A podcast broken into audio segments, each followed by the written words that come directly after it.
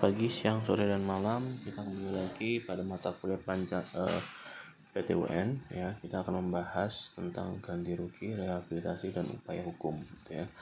Ganti rugi ya salinan dari putusan pengadilan berisi kewajiban pembayaran ganti rugi dikirimkan kepada penggugat dan tergugat dalam tanggal waktu tiga hari setelah putusan pengadilan memperoleh kekuatan hukum tetap gitu ya.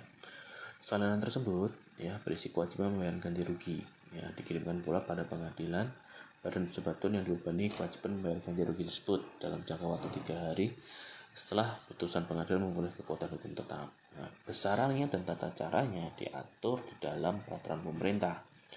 Nah, di dalam peraturan pemerintah ini diatur di dalam PP 43 tahun 91 begitu ya. Di mana PP ini masih cukup lama PP-nya besarannya ganti rugi itu besarnya paling kecil 250 dan paling besar adalah 5 juta rupiah gitu ya. Nah, di sini ada ganti rugi, ada pengertian mengenai kompensasi gitu ya. Ganti rugi adalah pembayaran jumlah uang pada orang atau badan pejabat hukum perdata atas beban badan pejabat tun berdasarkan putusan pengadilan karena adanya kerugian material yang diderita oleh penggugat. Jadi kerugian material dan imaterialnya. Jadi yang dilihat hanya kerugian materialnya Sedangkan kompensasi adalah pembayaran jumlah uang kepada orang atau badan pejabat tun oleh karena keputusan pengadilan di bidang kepegawaian tidak dapat atau tidak sempurna dilaksanakan oleh badan tata usaha negara. Oke, besarannya atau tanggung jawabnya ketika itu badan badan tata usaha negara pusat maka dibebankan pada APBN sedangkan kalau itu adalah pejabat tun di daerah maka dibebankan pada APBD gitu ya Kemudian ganti rugi yang telah ditetapkan oleh pengadilan tata usaha negara tetap tidak berubah sekalipun tak ada tengah waktu. Ya, tetapnya putusan tersebut dengan waktu pembayaran ganti rugi. Ya. Di tingkat pusat itu diatur lebih lanjut dengan keputusan Menteri Keuangan, gitu ya. Untuk ke daerah dengan keputusan Menteri Dalam Negeri. Tata caranya nanti kalian bisa baca sendiri di dalam PP 43 Junto PP tentang keputusan Menteri Keuangan nah, dan itu semuanya sudah ada di dalamnya ya lalu di situ juga menjelaskan mengenai kompensasi terkait dengan masalah-masalah kepegawaian gitu ya oke uh,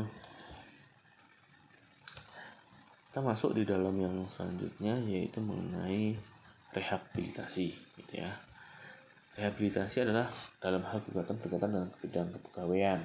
Ini hanya bidang kepegawaian saja. Lalu di, e, diberikan kewajiban melaksanakan rehabilitasi dalam jangka waktu e, tiga hari. Ya. Kita masuk dalam upaya hukum. Di situ dibagi menjadi dua upaya hukum biasa dan upaya hukum luar biasa. Upaya hukum biasa dibagi menjadi dua lagi yaitu upaya hukum banding dan kasasi sedangkan luar biasa PK begitu.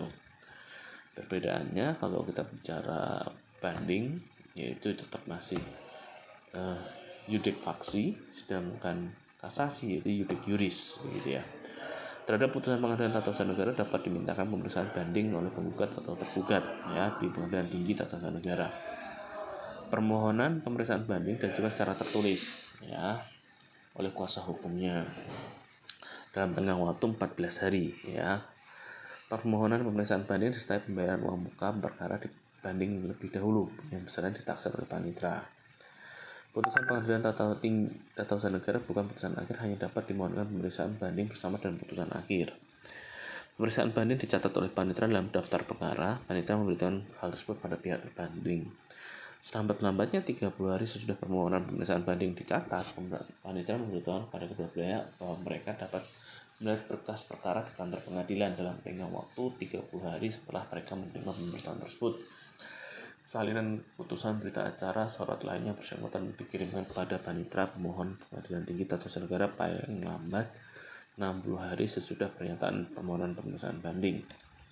Para pihak dapat menyerahkan memori banding atau kontra memori banding, jadi sifatnya tidak wajib. Ya. Oke. Okay.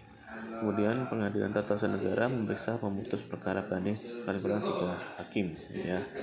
Nah, pemeriksaan pengadilan tata usaha bahwa pemeriksaan pengadilan tata usaha negara kurang lengkap dapat mengadakan sidang sendiri. Jadi pada dasarnya pengadilan tinggi tata usaha negara itu ya tertutup uh, apa namanya tidak tidak ada gelaran begitu seperti yang kalian lihat di kemarin simulasi persidangan tetapi bisa saja mereka hanya rapat melihat dokumen dan sebagainya langsung keluar putusan. Nah, oke. Okay. lalu terhadap putusan pengadilan tata negara menyatakan tidak berwenang memeriksa perkara pada rujukan kepadanya ya. Pengadilan tinggi tata negara tersebut dapat memeriksa memutus sendiri perkara dan pengadilan tata usaha negara bersama memeriksa dan memutus gitu ya Panitia Pengadilan Tinggi Usaha dalam waktu 30 hari mengirimkan salinan putusan Pengadilan Tinggi beserta surat pemeriksaan surat-surat lainnya kepada Pengadilan Tun. Ya. Ketentuan pasal 78 dan 79 berlaku bagi pemeriksaan tingkat banding. Ya. Ketentuan mengenai hubungan keluarga ya berlaku juga hakim dan sebagainya. Kemudian di dalam 129 sebelum permohonan pemeriksaan banding diputus oleh pengadilan tinggi tata usaha negara, permohonan tersebut dapat dicabut kembali oleh pemohon. Dalam hal pemeriksaan dan banding telah dicabut tidak dapat diajukan kembali. Gitu ya. Dalam hal salah satu pihak menerima keputusan tata usaha negara, ia dapat mencabut kembali pernyataan tersebut meskipun jangka waktunya mengajukan permohonan pemeriksaan banding belum melampau. Nah, kita masuk di dalam pemeriksaan tingkat kasasi terhadap putusan tingkat kasasi yang mengacu pada perkuliahan hukum acara perdata yang kemarin ya alasan-alasan mengajukan kasasi dan sebagainya.